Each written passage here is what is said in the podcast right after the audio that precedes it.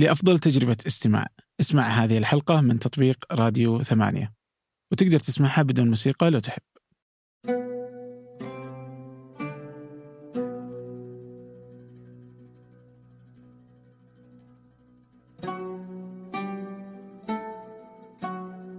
أهلا. كل يوم أحد. ضيف معي أنا عبد الرحمن أبو مالح في بودكاست فنجان.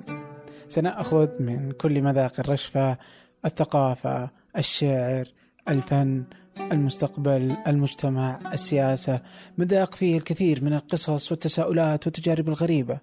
لا معايير ولا مواضيع محددة لكن الأكيد هنا كثير من المتعة والفائدة. هذه الحلقة مع الشاعر عبد اللطيف بن يوسف.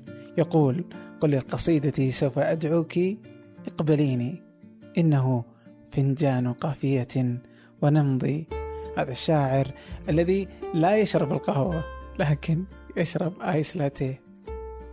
عبد اللطيف كاتب للشعر الفصيح. اللغة الفصيحة هو من عائلة تكتب الشعر كثيرا لكن أزال اسم العائلة ليكون عبد اللطيف بن يوسف.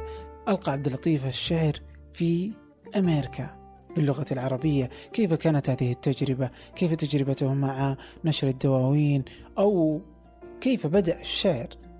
حيث يقول أن الشعر بدأ صدفة حديث رائع بين الجاهلية وصدر الإسلام والحالي ونعود بين الثقافات والحضارات يمنة ويسرى. فيقول بينما كانت الفراعنة توثق تاريخها بالأهرامات وثق العرب تاريخهم بالشعر. الحلقة هذه ممتعة ورائعة وشاعرية.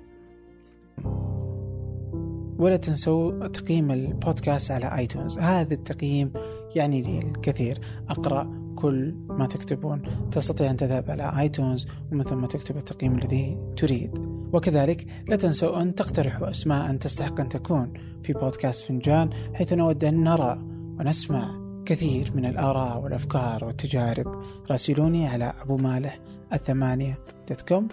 أبو مالح at ثمانية dot com. حيث أقرأ جميع الرسائل على بريدي.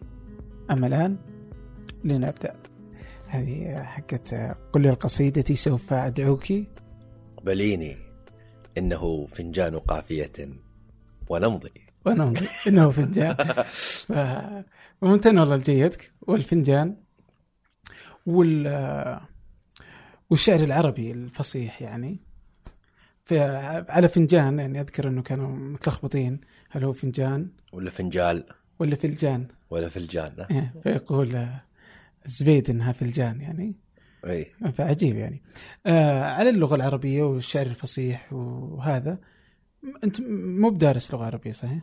لا لم أدرس لغة عربية. درست هندسة؟ تماما. هندسة؟ لا إله إلا الله. بعد ما خلصت هندسة تحس إنه ودك إنك لو درست عربي؟ يمكن, يمكن مرة يمكن شوف باللغة. أه، كل إنسان يعني يحب لما يرجع إلى الوراء أه، يبدأ يضع ال- ال- الخطوط والنقاط وي- ويوصلها كما هو يحب يعني. لذلك أه، يمكن بديت أبحث عن قصص المتطفلين على الأدب. فاكتشفت إنه من أجمل الشعراء ومن أجمل الأدباء هم المتطفلين.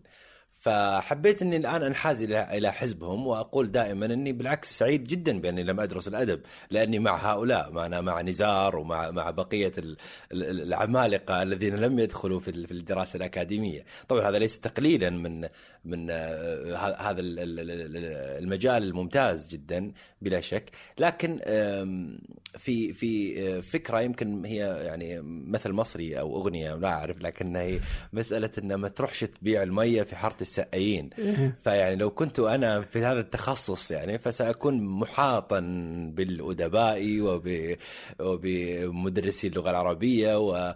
وسأكون أبيع نفس المنتج لهم. يمكن كانت مسألة الدخول في في عوالم أخرى عوالم هندسية. بالضبط يمكن عبد الرحمن مسألة اللي هي الدخول في عوالم عمالية. يعني أنا من الناس اللي اشتغلت فترة طويلة في في المصانع النائية يعني عند في رأس الخير في في, في مناطق يعني مليئة بالزيت والشحم وال وال وال, وال, وال يعني أفران التي تصل درجة حرارتها إلى 3000 مئوية. هناك الكثير من القصص التي تستطيع أن تأخذها من هنا وتبعث وتبعثها ب يعني رحلة مستعجلة إلى إلى الأدب وتعيد قراءتها من جديد. يمكن كذلك الأشياء الجميلة إنه هو الوصية اللي قالها محمود درويش إلى إلى الشعراء آه، وكونوا نشيد الذي لا نشيد لهم. فيمكن تخصصي وعملي في مثل هذا المجال جعلني أستطيع أن أكون آه، نشيد الذي لا نشيد لهم. آه، من الأشياء اللطيفة قبل أن أترك شريك أحد الشركات اللي كنت فيها كتبت رسالة وداعية وكتبت فيها كثير من من بعض ال ال الأفكار وما ما يجول بنا نحن كموظفين. أه، لم تكن رسالة سلبية بل بالعكس كانت نوع من نروي قصتنا. okay. وضعتها في حسابي يعني في في الانستغرام يعني حتى مو حتى بتويتر يعني عرفت؟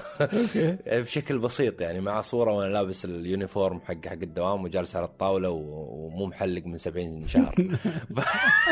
فالفكرة انه إنه وصلت إلى رئيس الشركة في الرياض ورد علي وكذا وأرسلوا لي كل الشباب في الشركة شكر لمثل هذا الشيء. فربما لما تكون عندك صنعة جيدة في غير المجال التخصص قد تفيدك أكثر من أخرى. طيب انت دخلت الهندسة لأنك تبغى هندسة ولا أهلك قالوا لك ادخل هندسة؟ والله أنا كثير ككل شاب سعودي يعني. آه، انصدم بأنه حصل درجة عالية في الثانوية. ف... ف... فوجد نفسه محصور. ربما الدرجات العالية ترى تحصرك مثل الدرجات المتدنية. إي والله. فتحس إنك يا تروح طب يا هندسة. فتقول يا يعني ها طب ولا هندسة؟ هذه سبع سنين هذه خمس سنين يبغى أروح على الخمس سنين. فيعني المسألة كانت بهذا الشكل الاعتباطي تماما. لكن من ناحية ثانية أنا من أبناء الجبيل الصناعية. ف... ف... فإحنا جزئية الهندسة أنا الوالد مهندس إخواني مهندسين الفكرة طبيعية جدا. يعني أنا كان واحد يقول لي عبد اللطيف أنت تدري ما عندك شيء ولا شيء يعني مهم. فقلت له ليه؟ قال يا أخي أنت مهندس أبوك مهندس. قلت له طيب قال أنت شاعر نصها لك شعار فخالصة. اي ما مو جديد فهذا كان من يعني أحد الأشياء. اللي صدمتك لا لا بس بالصدق يعني يعني أنت كانت رغبتك إنه هندسة يعني ما كانت عادي بسيطة كذا خلصت درجاتك عالية قلت بدخل هندسة كذا وضعك. ولا ما ولا رغبة كذا إنه بروح أدب؟ لا آه الأدب انصدمت فيه في الجامعة by the way شلون؟ يعني الأدب كان آه، وخليني أذكر بالخير آه، شيخي يعني وأستاذي الدكتور الأمين المبارك هو ابن عمي فكنت محرج في الجامعة يعني إنه بنزل عنده كورس. فتخيل يعني ولد عمك وبتنزل عنده كورس لأنه ما في غيره. فالفكرة إنه كلمته أبو عبد اللطيف ترى أنا بنزل عندك كورس ولازم تعطيني درجة عالية. فيعني شو الوضع الآن؟ فجلس معي سنة كاملة في الكورس هذا كان كنت في ذيك الفترة في الجامعة كان يخليني أحفظ القصائد وأرجع أعربها كاملة وبعدين أكملت معاه متون لغوية بعدين أكملت معاه كذا حتى أدخلني في عالم آه، خاص كان يعطينا الدرس لك أن تتخيل عبد الرحمن. بعد المغرب آه، بعد الفجر صلاة الفجر يمرني صلاة الفجر وياخذني ويروح آه، بي إلى Half Moon اللي ما يعرف اللي هو شو اسمه عند شاطئ نصف القمر فوق طعس هناك ويحضر القهوة ويجلس على على فحم شب نار ويقول الآن هذا الدرس فما ما سويت عليه الموضوع كان تعذيب يعني ف بس انه انه فعليا الرجل فتح آه، آه، لي فتحا يعني في هذا الأمر. أوكي خريج أصعب جامعة في العالم؟ خريج أصعب جامعة في العالم. والله انت مشكلة. طيب آه بما أنك أخذت يعني هالمجال ودخلت في مجال آخر آه برضو في عملك يعني كنت آه مع العمال في رأس الخير وغيره. الحين متى بدأ اهتمامك باللغة يعني؟ طبعا هو الاهتمام قديم للأمانة يعني الاهتمام من المتوسط. يعني من كانت من البدايات كان كانت مسألة إنه في الفصل في المتوسط كنت أنا عبارة عن آه، لما كنا شباب ونستهبل وكان في مدرس آه، الأدب عندنا ومدرس العربي كان يعني رجل آه، نحب نغضبه. فكنا نجمع نسوي نص قصائد فالشباب يجيبون لي قوافي كل واحد يجيب لي يجيب لي كلمة مثلا تنتهي ب آه، راء أو تنتهي بمدري إيش وأنا أسوي عملية زي الخط الإنتاج فأجمعهم وأسوي كأنها قصة غزلية إنه مثلا في الجبيل كان عندنا مجمع الفناتير فكنت أقول مثلا إنه في مجمع مدري رحت مجمع الفناتير وشفت بنت اسمها عبير مدري من. هذا القبيل وكان يشقق هذا هذا الأوراق ويقول أنتم شباب قليلين أدب وأنتم ما تفهمون وكذا وكذا وكذا. واستمر الاهتمام هذا. هذه النصوص على فكرة عندي بس انه لا أحد يطلع عليها يعني لأنها تفشل تماما. بس انه يعني تنتمي للبدايات الأولى تماما هذه. البدايات يعني. فالفكرة هو اهتمام قديم هو. اهتمام حتى أسري. يعني ال- ال- آم، يمكن المقاطع ما أدري أنت شفتها يمكن لو أبيات تعلمتها من أمي. يعني صحيح. كان آه، الوالده وكثير من أهلي يعني كانوا يعلمون الآداب ويؤدبون بالقصائد يعني بال- بالأبيات. طيب بين إخوانك؟ بالشواهد. كل في أحد من لا يمكن بين اخواني أنت. آه، كان كان بالنسبة لي أنا ال- الأكثر يعني بروزا في هذا الجانب بس لست الأكثر فصاحة يعني من الأشياء ال- أخوي الأكبر هو ما له علاقة بالأدب ولا يقرأ بس سبحان الله هو يعني آه، فصيح باللغتين فصيح ما أدري أنا ما. مشيت وياه لا هذه ولا لا لا ما شاء الله عليك طيب آه وين أول مرة آه كنت تشارك قصائدك يعني قصائدك الأولى يعني وين كنت تشاركها؟ آم، يمكن أول مرة شاركتها كان في ما أعرف منتدى. أول ما طلعت أنا ترى جيل المنتديات يعني. أول منتدى منتدى نظام مدري إيش حب الوجد مدري شنو، هذا المنتديات ال- يعني ما لها أي معنى في الحقيقة. بس إنه كان الجميل. وعلى فكرة هذه أهديت أول ديوان من أهداءاتي كانت إلى الذي سرقني ذات شعر فعلمت أن لدي ما يستحق السرقة. عجيب. آه، سرقني آه، واحد كاتب كان في آه، سوالف منتدى سوالف سوفت أو okay معروف معروف. وكان كاتب مر مشهور يعني في ذاك الوقت يعني تعرف اللي يعني شخصية يطرح مثل هذه الأشياء الجميلة. فالفكرة هي إنه سرق مني القصيده فزعلت جدا إنه كيف أسرق وكذا. بعدين رضيت بعدين فرحت بعدين فعلا هذا الشيء حقيقي. يعني إذا هذا الرجل بهذا الاسم يسرق واحد يعني قاعد يستهبل مثلي فالموضوع آه، حقيقي. فربما مثل هذه الأشياء. فنعم آه، آه، في مثل هذه وبدايات مختلفة كثيرة يعني ممكن. لا لأني أحس إنه يعني فيه آه وكذلك هذه ذكرتها أنت ذكرت مرة إنه من منا لم يكن شاعرا يعني إيه فيعني تمر على أي أحد كذا اللي مرة اللي يحس نفسه شاعر يكتب ممكن تجي له حالة يعني آه، من آه، الخواطر اللي تأتيه يعني فيبدأ يكتب فمتى يحس الواحد إنه أوه لا والله أنا شاعر ولا ينتظر إلى أن يسرق يعني؟ هو الميزة في الشعر والحلو فيه مم. إنه عمرك ما تحس إنك شاعر. يعني الامير بدر عم محسن من الأشياء الجميلة. قالوا له أنت أمير أو شاعر؟ فقام قال أمير. أم أما أمير فأخذناها كابرا عن كابر. أما شاعر فأي واحد في الشارع يمشي ي- يعني ممكن يشيل مني هذا اللقب وممكن يحط لي إياه. أوكي. ففي النهاية هو ما في عملية اللي هو الثقة الكاملة بالمسألة لأنه أنت حتى في قضيه القصيدة يعني القصيدة ليست ترى الإيقاعات وال- وال- والقافية. القصيدة يعني هذا القالب أن أما الشعر هو شيء متجاوز الشعر هو هو هو- شيء قد يكون في في الهواء وفي وفي الماء وفي في كل في كل شيء. يعني الشعر ليس هو هذا القالب ال- ال- ال- ال- اللي موجود. يعني اليوم يمكن صار عندنا نوع من من الوعي بمعنى إنه السينما الشعرية ال- آه، شعرية الأشياء مثلا شعرية الرواية شعرية ال- الكذا آه، فهي المسألة ليست مرتبطة بهذا القالب. ففي النهاية أنا الآن محدثك أنت عبد الرحمن تعتقد اني شاعر صح؟ صحيح. ممكن أطلع الآن أقابل أول واحد يقول لك آه، هذا شو اسمه شويعر ما أدري كذا يعني في النهاية بقولها من حقك. إيش أسوي لك أنا بس؟ فعلا. طيب وش الشعر؟ أكثر سؤال الناس قاعد تعرفه يعني آه، وإلى درجة إن في شعراء يعيشون وهم يحاولون يعرفون الموضوع. لكن إذا بنرجع لأول أول الفكرة يعني إذا بنرجع للمعجم هات. عبد الرحمن يعني شعر هي جاية من شعراء يعني هي جاي من من من نفس مصدر الشعرة. شيء دقيق. من نفس. لما يقولون مثلا إنه القزاز مثلا صار آه، فيه شعر أو كذا أو كسر صغير. آه، آه، فهذه الأشياء الدقيقة. الشعر من الأشياء العجيبة إنه لما نر- نرجع إلى مثل هذا المعنى وبعدين نشبكه بشيء آخر. اللي هو قول آه، سيدنا عمر بن الخطاب آه، في قضية أن الشعر كان علم قوم لم يكن لديهم علم أصح منه. طيب علم الرجل يقول. لا مو بس يقول يقول أصح. مو سالفة خيال ما خيال الموضوع صج. ف... فالى أي درجة بهذا الشيء؟ فتجي أنت تقول ها الشعر هل يكون في البداية هو الشعر هو إذا بنركب الأشياء الشعر هو آه، علم الأشياء الدقيقة. okay فهو العلم بدقائق الأمور. بأصغر وأدق الأشياء. نرجع إلى الشعر طيب. شعر لما نجي نقول آه أنا ما ودي است... يعني فهمت؟ أنا ترى لأنه هذا من الأشياء الهواجس اللي ممكن الواحد يتكلم عنها ساعات. يعني. ف... ف لكن بحاول إني بقدر الإمكان أجيب بشكل وافي لكن لا أست... لا أسترسل أكثر. لأنك ف... تجده في كل ال- الحضارات وفي كل إيه. اللغات الشعر ثابت صح؟ لما لما نرجع له نتكلم عن الشعر العربي بالضبط. okay. هو شعر ها بمعنى فطن بمعنى انتبه. ليش؟ عشان نربطها بالقصيدة بقصد. فهو انتبه وأدرك فقصد. okay.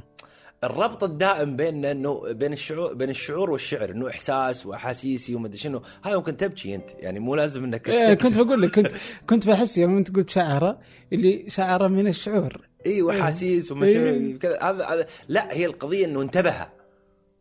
يقول لك أنت مثلا تشعر بهذا الأمر يعني ألا تشعر بهذا الشيء؟ ألا ألا تنتبه؟ ألا تفطن له؟ ف ف ف فمثل هذه هذه ال- ال- ال- الأمر اللي يربطك بفكرة القصد. لأنه مو معقول إنه أنا أحس ومدري إيش وكذا وإحساس وبعدين أرجع وأسوي عملية قصد وانطلاق وذهاب إلى الشيء. خلاص أنا قاعد أرسل رسالة الآن. فهذا اللي يماشي الفكرتين. فكنت أتذكر أقول أنا في أبيات يمكن ما نشرتها إنه كان أقول فالشعر ليس من الشعور. وإنما هو لحظة الإدراك ان نشعر هو أن يفاجئنا الغناء بفكرة مرت ببال الكون وهو يفكر. عجيب. ف... فمن هذا المنطلق. بس إذا بنرجع لاول أول أول هو ما كان بهذه العملية اللي إحنا قاعدين نقول شلون بدأ؟ يعني شوف الروايات كثيرة لكن الرواية اللي أنا أحبها عاد. عرفت؟ مع أني أنا جالس وياك والمايك معاي فيعني هذا شعور جميل على فكرة يعطيك قوة بأنك تقول لي تبي. فسأفضل هذه القصة من القصص اللي هي مسألة أنه تعود إلى إلى قصة مضر. أوكي. اللي منه كل القبائل المضرية يعني. آه، آه، مضر يق... تروي الرواية أن مضرا كان على ناقته يمشي في البيداء يعني أو في الصحراء ف فسقط عن ناقته. وكسرت يده. فصاح ويداه ويداه ويداه فتجمعت الإبل عليه. وكان له صوت جميل. فأدرك إنه إنه الإبل تحب سالفة ويداه ويداه ويداه ففهم إنه هذا إيقاع يطرب الإبل. فبدأ يستخدم هذا الإبل. ه- هذا الإبل هذا الإيقاع. بالحديث مع الإبل. وإن هي يجعلها تقطع المسافات. حلو. يعني آه، ما أبي أقول هذا الشيء يمكن يزعل بعض الناس بس إنه يعني يبدو إن الشعر بدأ كحديث الحيوانات بعدين انتقل للبشر. عجيب ف... فال- فالمسألة هي إنه إنه آه، أصبح وشوف الآن شوف الآن اللي صار الانتقال.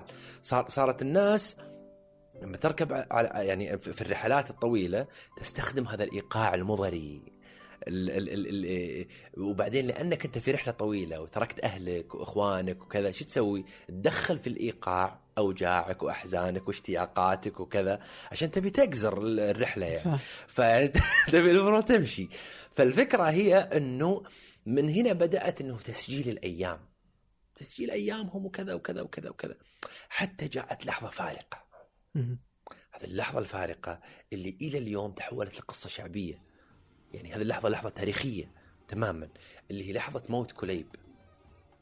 لذلك يقولون انه إنه المهلهل اللي اسم لماذا سمي المهلهل؟ لأنه هلهل الشعر والآن إحنا نسميه زير سالم في الحكاية الشعبية.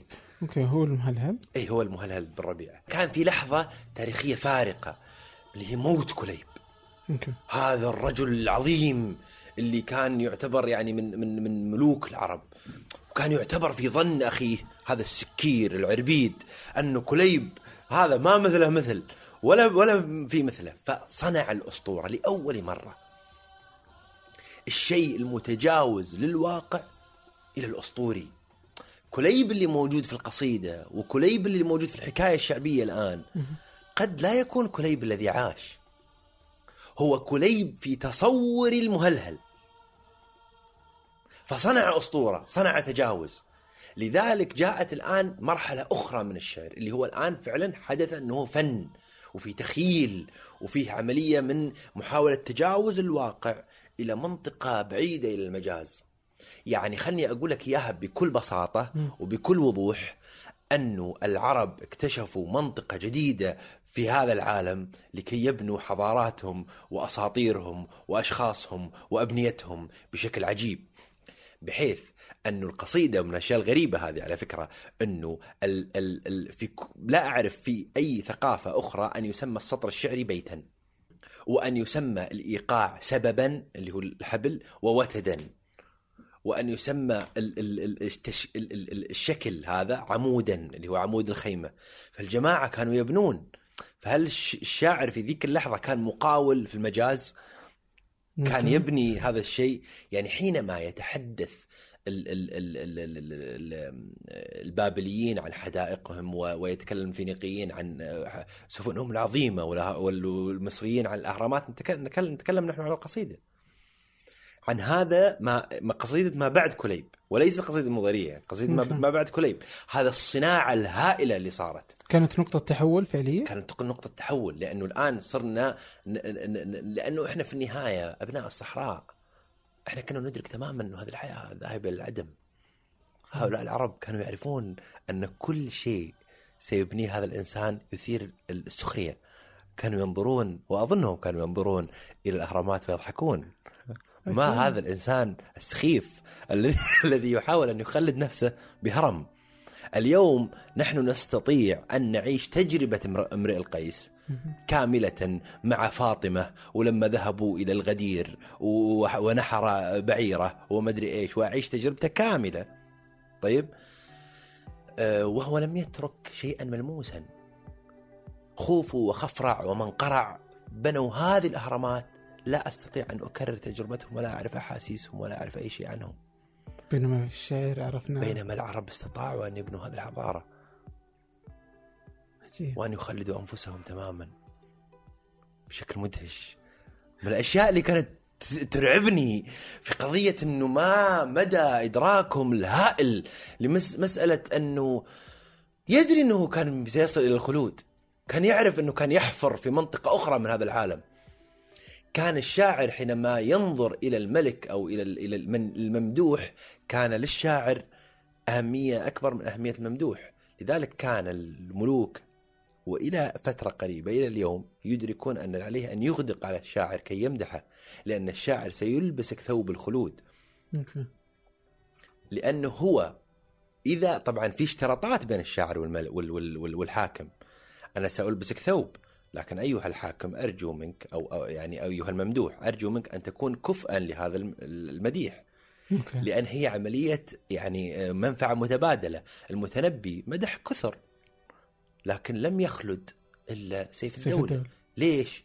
لأن القصيدة العظيمة كافأت الرجل العظيم ألبس ثوبا عريضا وقال له ألبس الآن okay. فلبس هذا الأمر فالسؤال التاريخي لولا المتنبي هل الناس ذكرت سيف الدولة؟ كثير لا لا لا اي كثير يعني أتوقع يعني اي لا فعلا والله. القصيدة كانت هي أشهر من سيف الدولة ذاته يعني. بالضبط. فالقضية هي هي مستمرة بهذا الشكل. فهم كانوا يبنون في منطقة أخرى. بدأها المهلهل وبدأت خلق الأساطير من هذا من هذا من خلال هذا. لذلك الشعر آه، عند العرب آه، يعني آه، يمكن هذه سيرته. تختلف في الأماكن الأخرى في العالم في بشكل أو بآخر لكن ما يهمنا يمكن هو اللي هو مسألة انه انه انه إنه كيف نفهم حضارتنا وتاريخنا كيف نفهم انه إنه نحن فعلا لدينا حضارة. هذا الشيء كان كان كان اختراعا عظيما. في شيء كذا من من قصيدة معينة يعني نظرت لحضارتنا بشكل مختلف؟ يعني أنا من الأشياء اللي ادهشتني إنه في كثير من ال ال ال نفهم إحنا انه إنه الشعر خزان الأخلاق يعني أو إنه فيه حكام وما أدري إيش وكلام كذا كذا كذا كذا. دقيقة الشعر هو خزان الأخلاق. لماذا العربي القديم يقول ولولا خلال سنها الشعر ما درى بغاة العلا من أين تؤتى المكارم؟ فهل الشعر يسن الأخلاق؟ أم العكس طيب خلينا نفكر مع بعض عبد الرحمن شوية ونقول إنه الشعر إيش قاعد يسوي؟ هو قاعد يصنع صورة عليا قاعد يبالغ في الأشياء فيطرح نموذج أعلى غير ممكن ولكنه آه، يصنع قيمة يعني بمعنى إنه لما بعد كليب وفكرة كليب والرجل ال- ال- ال- اللي صاحب السؤدد العظيم جاك واحد مثل مثل آه، حاتم الطائي. حاتم الطائي هو فعليا كان يصنع خلق الكرم. كان يؤسس لقيمة. هذا هذه هي ال- ال- اللي هو قاعد يؤسس لها. فياتي وا- شخص مثل عنتره بحكاياه وملاحمة ومدري إيش يؤسس فكرة الشجاعة. فالشجاعة اللي إحنا نعرفها ونمارسها هي شجاعة عنترة، إحنا آه عنترة قاعد يأثر علينا إلى اليوم أنا وياك جالسين في في هذا المكان في في شرق الجزيرة العربية في الخبر. والأستاذ عنترة موجود ف فهل هو كان. فهل هو كان شجاع أم سن الشجاعه هو في شعره؟ است... إيه بالضبط انطلق من نقطة موجودة على الأرض. وذهب إلى نقطة عليا تماما وسن قوانين وأشياء ومبادئ وقيم عجيب طيب أنا الحين عندي آه، أحس ثلاث نقاط. أنا أحس إني رحت بعيد صح؟ لا لا لا لا خليك خليك. اذهب آه، وين ما تبي. بس الحين إيش؟ في ثلاث نقاط. بالنسبة للديوان يعني إنه الشعر كان هو ديوان العرب هو كان آه، اللي مثلا زي سيف الدولة في قصص برضو كيف كان الشعراء مثلا. ديوان العرب جزء من العملية. بس. لاحظ شغلة. ال- العرب لكمية إيمانهم ب يعني مثلا في نص أنا خلني أقول لك إياه انه إنه يا ليت حتى. أو المستمعين يسمعون اللي هو مسألة انه إنه قافية من أجل معلقات لدرويش لما كان يقول يقول أنا لغتي وأنا معلقة معلقتان عشر آه، أنا ما قالت الكلمات إيش كن آه، فكنت لها آه، فكنت لنبرها جسدا بعدين يقول يقول أنا لغتي مسل مسلة آه، آه، ومسلتي وحدائق بابلي آه، ومسلتي وهكذا. الفكرة إنه ه- اللغة أصبحت الهوية وليست ديوان فقط وأصبحت الحضارة وأصبحت كل الأشياء هذه في هذه الصحراء. كثير من الأديان مرت على هؤلاء العرب ال- ال- ال- ال- الموجودين لم تثيرهم. النصرانية وغيرها حتى الأوثان حقيقة لم تكن إلا يقول لك يقربون إلى الله زلفى. يعني ما اهتموا ينحتونها بشكل جيد. لم تكن مهمة كثيرا. بينما قدسوا ال- ال- ال- ال- ال- أعمالهم. okay. آه، لذلك حتى حينما جاء الإسلام كانت الصدمة. شلون؟ جاء الإسلام بنص. حتى قالت العرب أن العرب تقول النثر والشعر والق- والقرآن. okay. هذا نص هذا شيء آخر. يعني حتى الألسنة توقفت. ال- ال- الشعر والإنتاج الإبداعي اصيب بصدمة هائلة في صدر الإسلام. الناس فقط تريد أن تستوعب هذا ال- هذا البيان ال- العظيم. فلذلك أ- أذعنت للإسلام لأنه جاءهم من منطقتهم. خلاص. خلاص. يعني مو سالفة مسيحية. مو سالفة فهمت أناجيل وكذا وصايا و... لا رجل يعني سيدنا محمد حينما أتى عليه الصلاة والسلام بهذا القرآن المبين انتهى كل الكلام بعده. أوكي فكانوا يخاطبهم باللغة التي كانوا يتحدثون بالضبط. بها يعني اللي هو الشعر والكلام الفصيح. لأنهم هم مو فقط يسجلون فيه هو زي ما قلت لك هي هذه الهوية هذه هذه الحضارة هذا كل كل هذه الأشياء فأنت جيت بشيء خلاص. طيب هو على هذا الموضوع اللي جاي أنا بتساءل حوله هو يعني قديش أنت شايف كيف إنه أثرت اللغة وأثر الشعر بالدرجة الأولى في صناعة الحضارة العربية، كيف كانوا يتخيلون، كيف يصنعون القيم مثلا، أو كيف كانوا يخلدون آه، حياتهم من خلال الشعر. طيب إحنا اليوم كيف؟ يعني لو أبغى أربط اليوم بكل ما صنعه العرب وين إحنا؟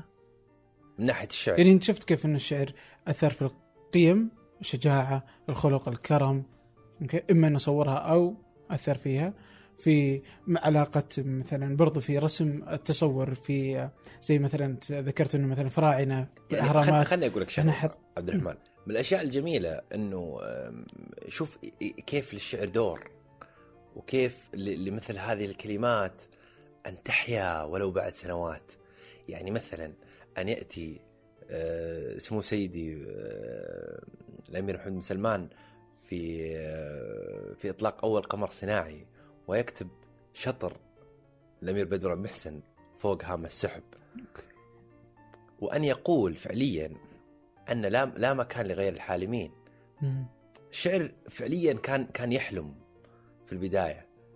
فالآن جاءت لحظة التحقيق وحضر الشعر حاضر تماما عبد الرحمن.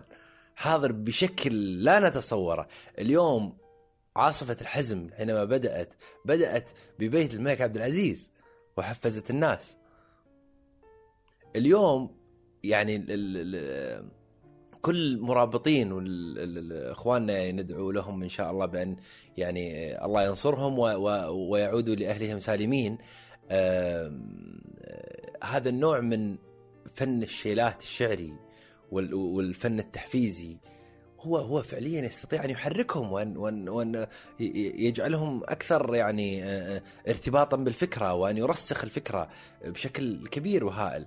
اليوم الشعر بلا شك أنه لا يمكن لأي عاشق أن لا يرسل لمعشوقته نص يعني قال الخالد ولا قال البدر ولا قال آه، في النهاية أنت أنت أنت تحتاج أن تستعير هذا الكم الهائل من الكلمات المطروحة فعلا. كي تعيش طيب الحين ليش ما في هل كل العشاق رجال؟ والله أنا ترى طرحت استفتاء فعندي فيعني ال ال ال ال وأنا طرحته كسؤال فيعني انت الآن قاعد تطرحها علي أنا كسؤال طيب جاوب ف. آه، آه، أعتقد لأنك ذكرت أنت قبل شيء شفت كيف آه، سلسلة الأسماء كلها رجال أنا أعتقد إنه يمكن يسمحون للنساء وهم يعني أقدرهم جدا إنه خليني أبدأها بمديح بمديح إنه المرأة قادرة أن تحب بكل قلبها. بينما الرجل لا يستطيع أن يحب بكل قلبه. طيب ماذا يعني هذا؟ الشعر والتعبير هو ابن عملية الاسترجاع. يعني يقولون أصلا ينبوع الشعر هو هو الطفولة وال وال والذكريات والحنين طاقة الحنين الهائلة هذه. فأنت كل مشهد يمر عليك هو مشهد تراكمي. فأظن إذا حاولنا نرسم الأشياء ف فقلب ال- ال- الذكر قد يكون تراكميا. لذلك آه، مسائل التعبير الشعري قد تكون عنده أكبر لأن استخدام الذاكرة. يعني خليني أقول لك أشرح لك إياها بشكل آخر. بازوليني على فكرة مخرج من أحد أعظم المخرجين في في السينما الشعرية. كان كان يقول لما يتكلم عن عن الشعر وعن كذا إنه إنه قاعد يقول لهم يا جماعة القضية في السينما ما هي قضية الكتابة. السيناريو شغلة وفي لغة أخرى اللي هو لغة الإيماءات وكذا وكذا وكذا. بعدين قال دقيقة وش الشعر؟ قال الشعر هو الذاكرة والأحلام. أوكي. بس. الذاكرة والأحلام. هم. يقولوا خلينا نشتغل من الحين. من هنا. فيقول نبدأ من هنا على الفكرة. فالذاكره التراكمية وخاصة ال- ال- الشعورية هذه قد تخدم آه، آه، الذكر في هذا الشيء. آه، أنا لا أدري أنا لست عالم نفس ولا شيء. أنا أقول لك تصوري يعني. القدرة هذه المرأة عندها القدرة الهائلة لل لأن تحب كامل شعورها وكامل إحساسها.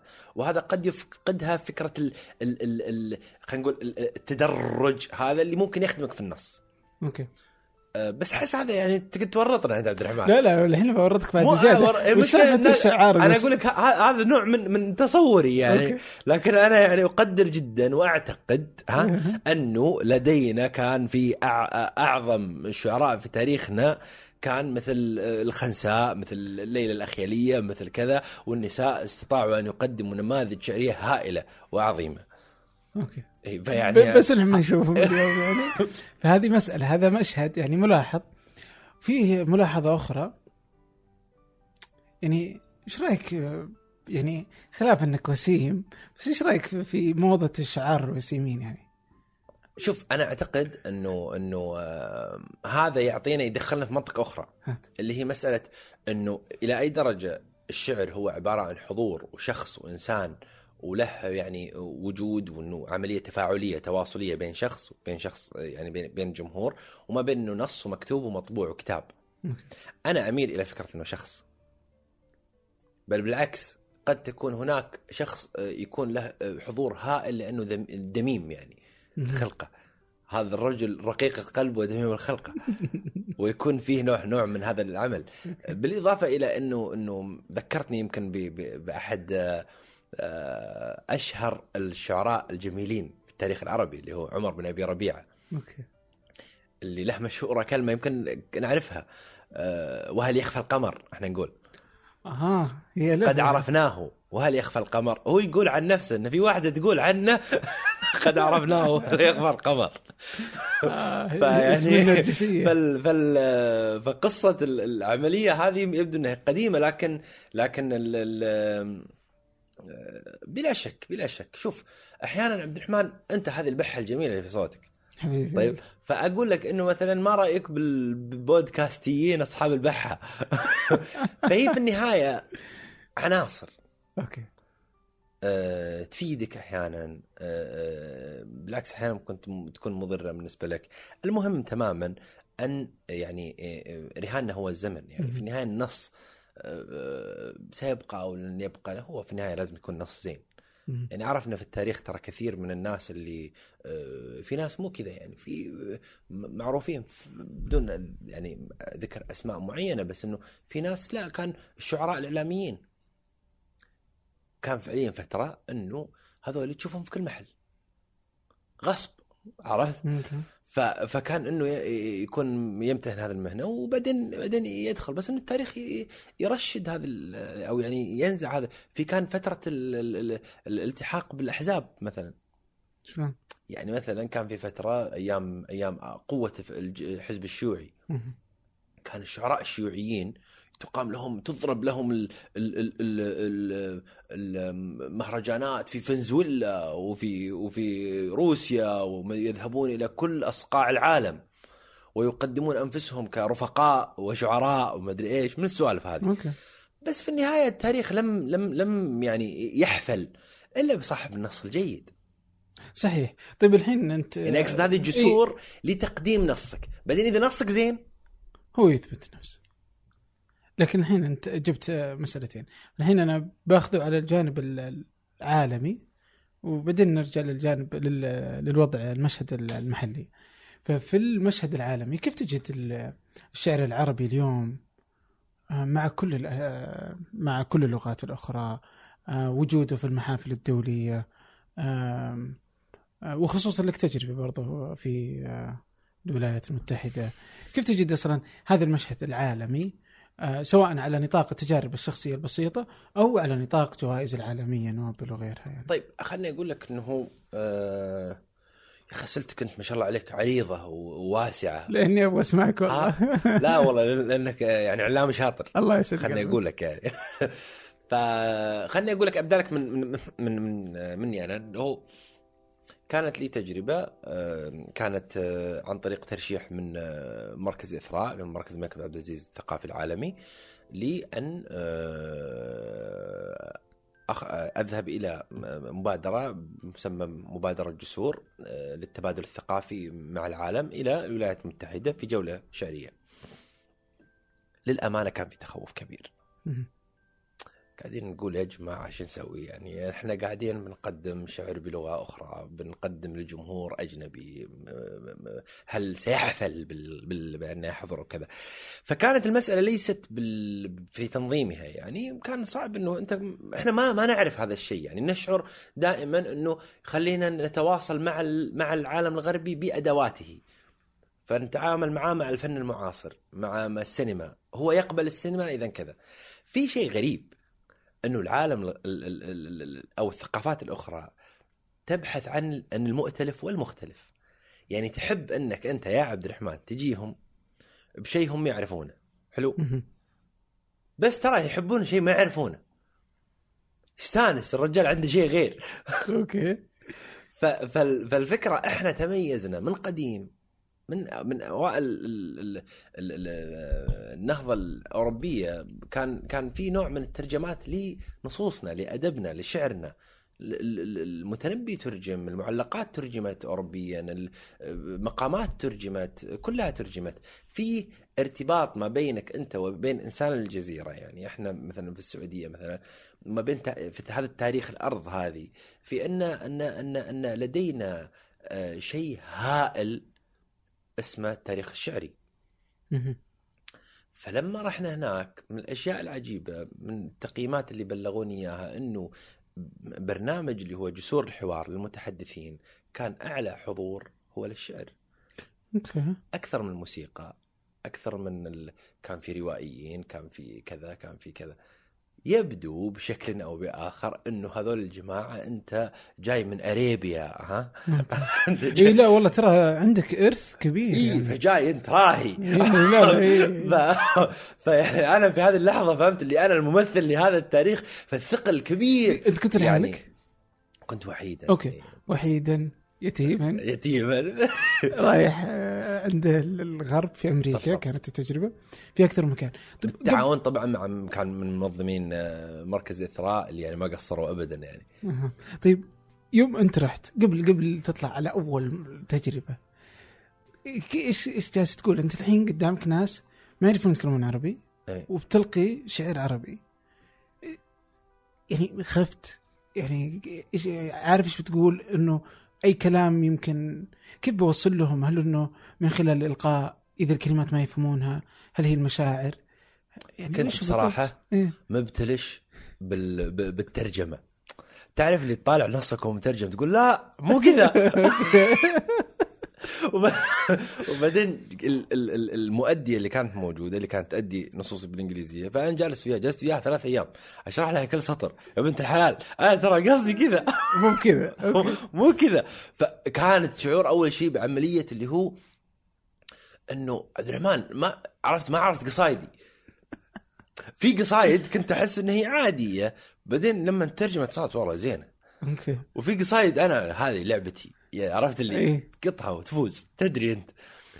ف اللي حصل انه إنه لما ترجمت صارت مو شيء يعني ما فتعرف ال- الفكرة إنه بعدين دقيقه دقيقه دقيقه دقيقة بعد كم رحنا بعدين قدمنا.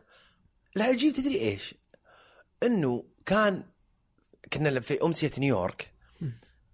أحد ال- ال- ال- ال- الحضور سمع من أحد الأشطر اللي موجودة وبكى من شطر وجلس يبكي لنهاية القصيدة. طبعا أنا قاعد طالع فيه. الحين هذا صاحي. هذا عاقل. قاعد تبكي من نص مترجم يا طويل العمر. ركز وياي. والله. هذا مو صدق هذا مترجمينه. الفكرة إيش كانت؟ العجيب هو أنه كان شغلتين للأمانة. الشطر هذا وهذا غير ترى على فكرة كثير من تجربتي الشعرية.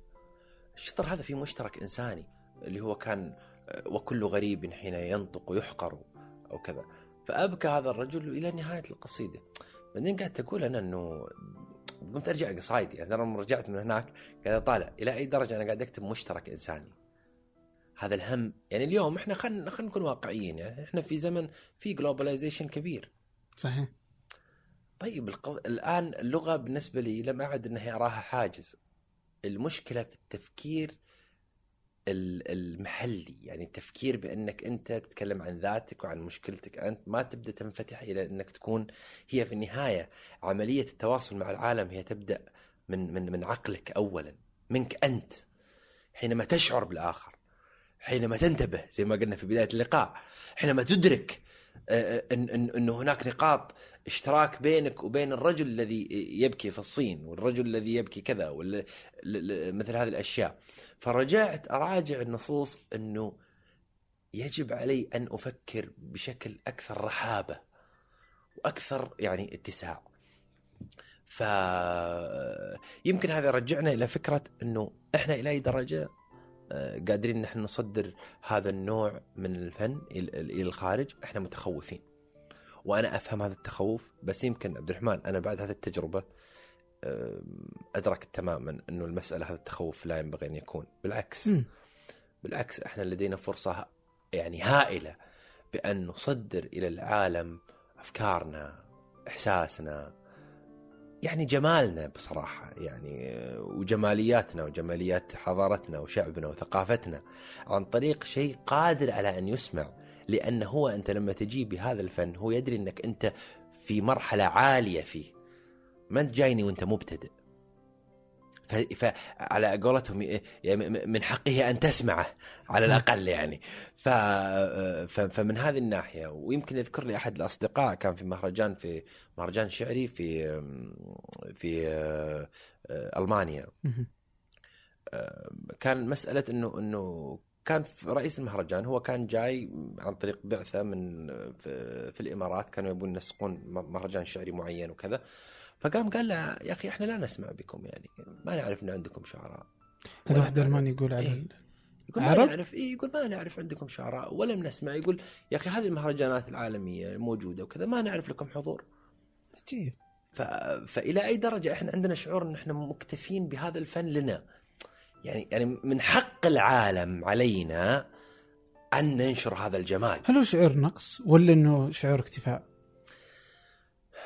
شوف أنا ما أقدر أقول نقص لأن في النهاية خلينا نقول هو توجس. يعني في النهاية إحنا قاعدين نحاول اليوم إن إحنا نتواصل مع الآخر. وقاعدين نجد وش القنوات الأجود والأفضل وكذا. بينما الآخر قادر إنه يفتح يده ويجيك يعني هو يبي منك الشيء ال- ال- ال- الجميل هذا اللي هو المختلف ال- الفريد اللي ما ما ما حصله في مكان ثاني. يعني خلينا بصراحة كثير من مثلا السينما أنت عندك هوليوود وعندك السينما في ألمانيا وفي في فرنسا وفي في إيطاليا وفي متقدمة جدا. لما أنا أبدأ في السينما السعودية وأصدرها وكذا جهد طيب وجميل رائع جدا. لكن آه، ينبغي أن يكون معها في نفس الوقت شيء مكتمل. فأنا لما أخرج الخارج أنا متوازن ما بين أنه يا جماعة أنا جيد هنا وأنا أتعلم هنا. فأنا. أحب أتعلم وأنا عندي شيء اقدمه لك في نفس الوقت. آه، فهذه الفكرة ال- ال- اللي استقرت في نفسي إنه فعلا ينبغي يمكن ينبغي حتى علي أنا. يعني أنا لا أريد أنا من الناس اللي أحب إنه على الأقل أنا أبدأ أشتغل في مثل هذا الشيء بدل ما إني أنتظر مثل هذا ال- ال- الأمر. آه، ويمكن من الأشياء اللي كتبتها على الأقل كنص آه، شعري هو وهي مجموعة الآن قاعد أجمعها في فيما يتعلق بقضية الهويات. يعني أكثر أكثر ال- ال- النقاش في اليوم في زمن المهاجرين والاختلاف وكذا. فالثيمه الأساسية في في قضية قلق الهوية. okay. يعني آه، فأنا من هناك أنا من هنا يعني آه، بالضبط أنا من وين. فكان مثلا بعد نيويورك مثلا من الأشياء اللي اللي كتبتها كان كان نص آه، بعنوان New Yorker. okay. وأصريت على كلمة New Yorker أدري إنه بيزعل المدرسين يعني أو الأكاديميين مني لكن هو وصفه New Yorker okay. يعني هو- هو ال- ال New Yorker هو الرجل اللي هو المواطن الغريب لأن نيويورك هي بلد المهاجرين. فحينما يقول لك الشخص أنا نيويوركر فاسأله طيب ولكن من أين أتيت؟ آه. ف... فالعملية آه، بهذا الشكل فحافظت على مسماها يعني وكتبت النص. آه، النص بعنوان آه، نيويوركر. المواطن الغريب. حجر تعثر بي ولا أتعثر. أتسيء لي هذه البلاد وأشكر بتلفت القلب انتبهت وعن لي برق فقد ألد الغيوم وأمطر.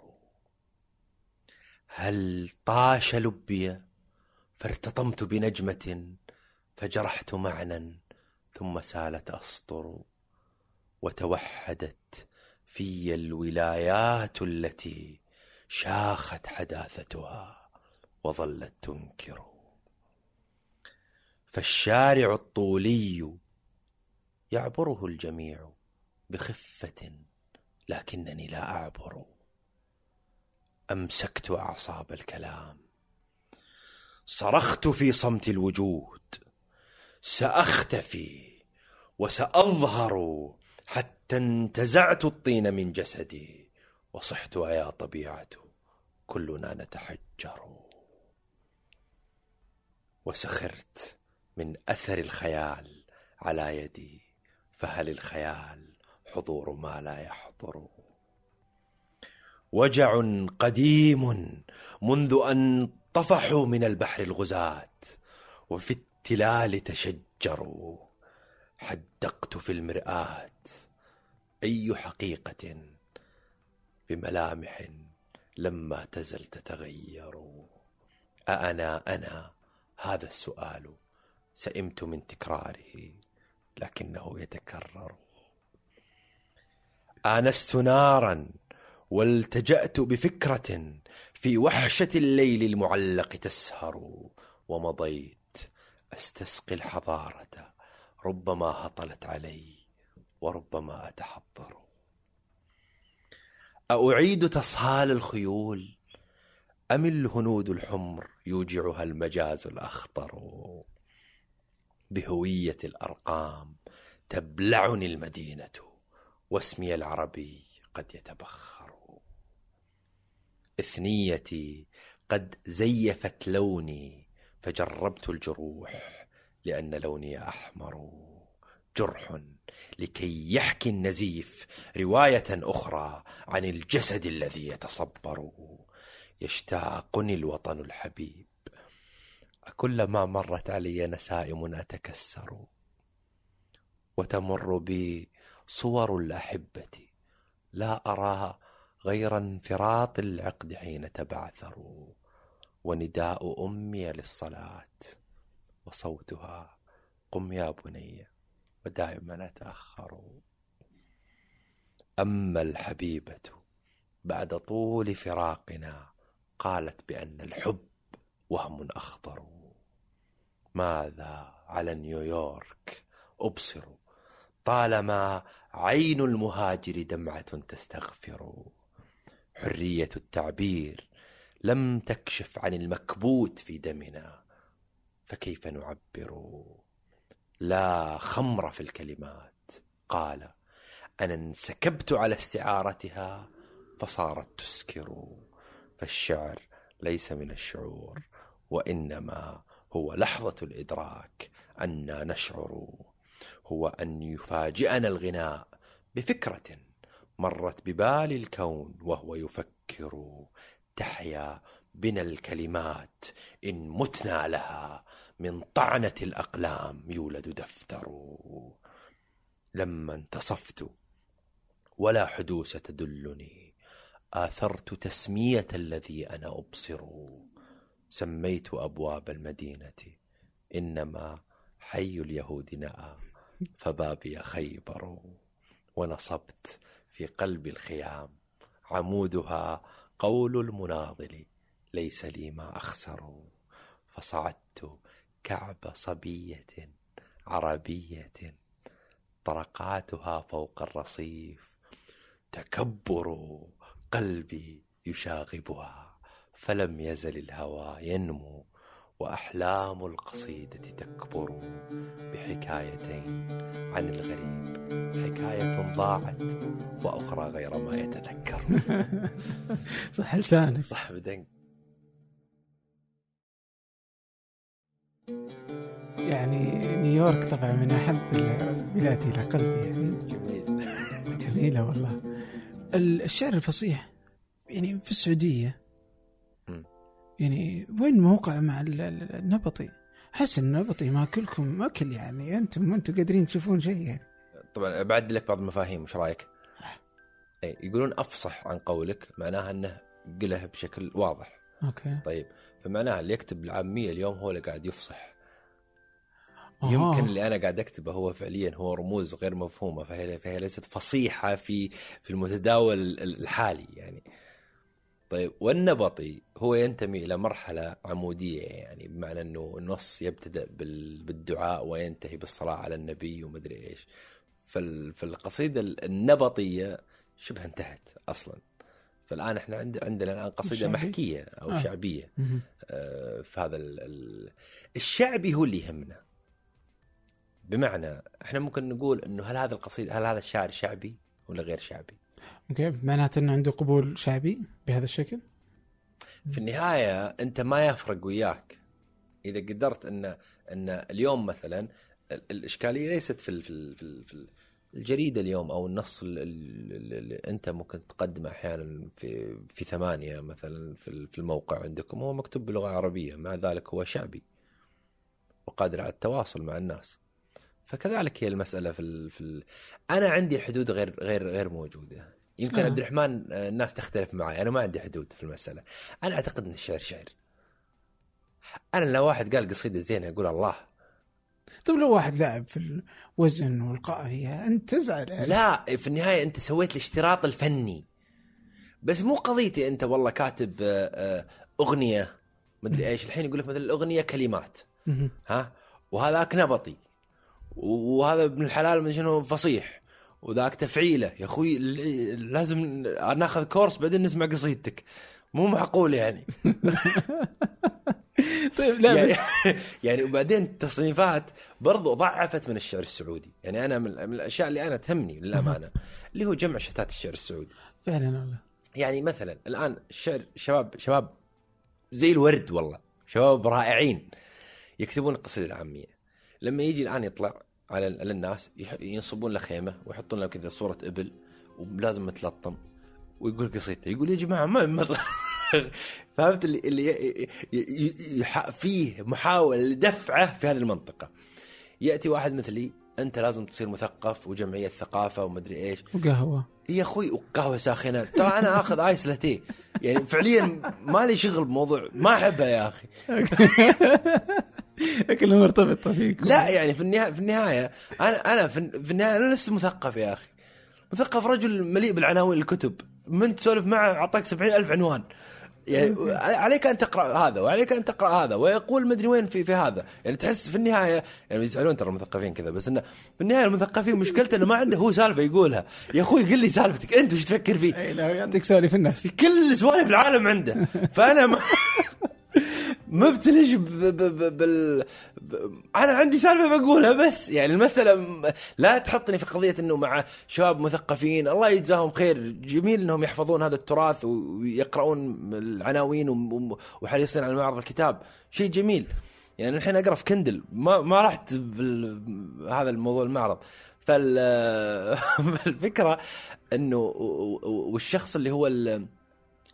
كاتب الشعر الفصيح الكلاسيكي يضمن ضمن الت... الأمور التعليمية وخدمة اللغة العربية وما ادري إيش، يا أخوي هو مو فكرته خدمة اللغة العربية، لو يبي خدمة اللغة العربية راح المجمع اللغة وجلس في الم... في, ال... في السالفة ذي. وخ... يعني من الأشياء التعليقات اللي تأتي في, في الشعراء لما يكتب نص فصيح يقول لك "يا أخي والله ما شاء الله جميل إنك تحافظ على اللغة. أنا مو القضية أنا في النهاية أدواتي هذه.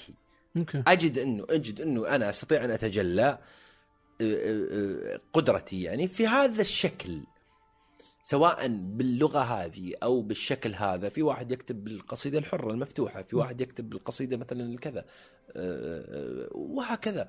المسألة في النهاية أنت قل لي جميل غير جميل. أنا مو جايك اخدم ولا جاي يعني فكرة ال... إن شاء الله إني بخلص قصيدتي وبروح وياك أنظف الكورنيش وتطوع. ما عندي مشكلة. بس تحس ما له علاقة بخدمة اللغة العربية من عدمها. يعني أقصد إنه محافظتك على إحنا شفت حديثنا الكلام عن الشعر هذا.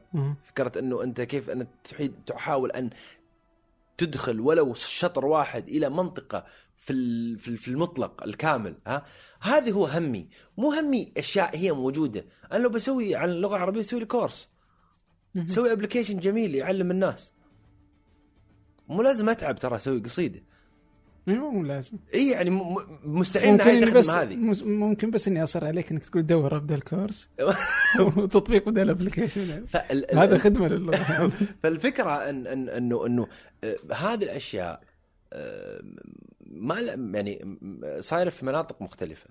حلو. جزء من من من من, من ما يعني أنا دائما أمارسه يعني ومستمر أمارسه حتى في كثير من من من ما يهمني في هذا الموضوع إنه آه، جمع هذا الشتات يعني إنه يا أخي تعال أنت شعبي تعال خلينا نجلس خلينا نسولف. يعني أنا ترى يمكن يصد- يصدم الناس هذا الموضوع. مم. أنا أحب الشيلات عجيب إيه. يعني ترى ما تحصل ناس كثير وأدافع عنها. طيب إيش يعني أوكي. طيب. طيب دقيقة خلي أخ... ما أحبها لا لسبب. لسبب؟ الفكرة يا طويل العمر أنا يزعجني ال ال كمية الأتيتيون هذا اللي يحطونه والأشياء الغريبة. بس الفكرة ببساطتها يعني مع معناها انه إنه في واحد يريد أن يتغنى بقصيدته. صحيح. لا والله في بعض. الشيلات جميلة. ك... كف- ينشدها إنشادا إيه، يعني. إيه. فالامر اسمه. الأمر ليس يعني ليس مستهجنا يعني. ب- يا أخي مو لازم إن أنا قصيدتك يجي يقول لك هذه ما تصلح أغنية. هذه لا لا لا لازم نسوي لها مدري إيش غير في في الكلمات هذه. خلاص يا أخي اعتبرها يا أخي مو أغنية. بس بس يعني خلينا نتطرب فيها. هي فيها إيقاعها وفيها جمالياتها يعني. يعني أقصد إنه كفكرة ليس فيها بأس بالعكس إيه. بس هي كذا انه الهبة حقتها يعني هي الهبة. آه، يمكن من الأشياء اللي أنا تزعجني للأمانة آه، وأعتقد إنه إنه ينبغي إنه هذا جزء من الانتباه الوطني آه، اللي ممكن يصير لمثل هذا الفن اللي عندنا عندنا ارث كبير فيه اللي هو فكرة إنه يعني نوع من إنه هذا هذا ال- المواضيع اللي ممكن تكون مثلا في الشيلات يعني تطرح بعض المواضيع السلبية تطرح بعض ال-. الأشياء هذه وخطورة الشعر إنه يكرسها خطورة الشعر إنه قادر على إنك أنت تسوي شيله عن عن معنى مثلا سلبي معين أو عن شيء معين وتجد آه، 10 مليون فيو وعالم تناقز صحيح. وتسمعه. ف... و- و- ولين الناس تتفاعل معها. بالضبط. آه ف- كما ف- كانوا يتفاعلون زمان مع الشعر. ف... ف... فخطورة الموضوع إنه إنه المسألة مو قاعدين إحنا إحنا قاعدين نتكلم عن شيء هامشي أو شيء بهذه الطريقة. فال آه، طيب بس خليني بس أوقفك هنا إني أبغى أخذ الشتات. في تجربتين احسها يعني تستحق الذكر وخليني بشوف رأيك فيها. في تجربة بالنسبة للشعر الشعبي إذا سميناه النبطي اللي هي شاعر مليون. إيه. وفي تجربة آه، أمير الشعراء. هذه التجربتين في الإمارات. وتهتم بالنسبة للشعر في كل العالم العربي أو الوطن العربي. كيف تشوفها؟ كيف وجدتهما؟ يعني وهل فكرت إنك تشارك في أمير الشعراء؟ لأنه لل... لا حقيقة لم أشارك لم أقدم حتى. ليه؟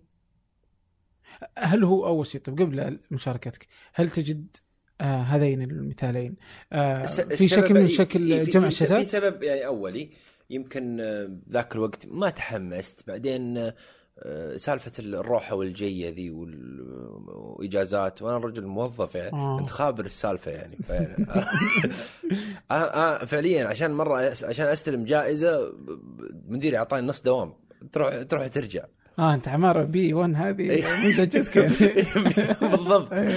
ف... فكانت كان الموضوع انه إنه قال لي يعني عندنا shutdown وأنت جايني تقول لي جائزة شعرية. آه، فهذا اللي شكل من الاشكال اللي معك أنا يمكن بس طيب ترى- هل كانت تجارب فعلا آه، جمع الشتات جيدة كانت؟ آه، لا هي لم تكن جمع للشتات بقدر ما هو تكريس معنى الاختلاف. إنه هذول شعراء فصحى. وبرنامج لشعراء الفصحى وتكريس لفكرة هذا برنامج شعراء نبطي آه، هذا قائم على فكرة وطنية هذا قائم على فكرة قبلية آه،. عشان التصويت آه، هذا قائم يعني أقصد هذا الإثقال للأشياء يعني بشكل كبير فيمكن أنا مش مش كثير مع مع مع هذه التجربة يعني أنا زي ما قلت لك يمكن قاعد أقول إنه أوكي في واحد من شعراء نوب آه، شاعر مليون ترشح لنوبل يا. في؟ ما لا ما في. يعني في النهاية أنا أنا اللي أطمح له إنه حد يترشح النوبل؟ ان ان إنه بهذا الشيء يا أخي يا أخي إحنا في النهاية عندنا شيء عظيم إيش الشكل الأمثل اللي يخلي ممكن نصل إلى هذا الشكل؟ يعني فعلا لو في تجربة واحدة تخلينا نقدر ننتج إنتاج يصل إلى أنا أقول لك العالمية شغلة أقول لك شغلة ولا العالمية صعبة؟ أنا قوية؟ أعتقد مثلا إن بوب ديلان اللي هو اللي هو فاز بنوبل كاتب الأغاني مثلا يعني هو لا يصل لمستوى بدر المحسن. بدر كاتب أغاني عظيم شو الفرق اذا؟ يمكن إحنا ما خلينا العالم تدري عن بدر عجيب يمكن كان يفترض إنه إنه في نوع من التكريس مثل هذه التجارب ال ال ال ال الهائلة المتفوقة. ف يعني ال- ال- ال- ال- المسألة لما نجي ال- ال- الموضوع مثل أه، الشعر الشعبي مثلا أو أو العامي أنا أعتقد إن الشعر الشع- الشعبي يستحق أن يكتب عنه نقد أه، أدبي مثل ما يكتب عن الفصيح. الشباب ال- ال- ال- اللي يكتبون أنا كثير من أصدقائي شعراء شعبيين. وأفخر بذلك جدا يعني. وكانوا يقولون لي يعني يقولون على الأقل أنت عندك أحد يقرأ نصك. قدم قراءة أو كذا. يقول إحنا بس أسلم صح لسانك. يقول أنا ما بسمع صح لسانك. أنا مبط كبدي بصح لسانك. فالفكرة إنه يقول أنا تعبان. ويقول صح لسانك. أنا مسوي كم فكرة كم كذا. فالفكرة ان إن- وب- بنفس الشيء لما يجون ناس مثلا كتاب أغنية. يعني إحنا مو زي الأجانب. من اي ناحيه؟ يعني الاجانب حتى لما كنا في نقاشات في ال- ال- الولايات المتحدة كان كنت أقول لهم أنتم تسمونها هذه lyrics وهذا poetry اوه إحنا ما نسمي lyrics و poetry إحنا هذا شعر okay. إحنا لما لما لما يجينا شخص مثل الأمير عبد الرحمن بن مساعد مثلا إحنا نعتبره شاعر.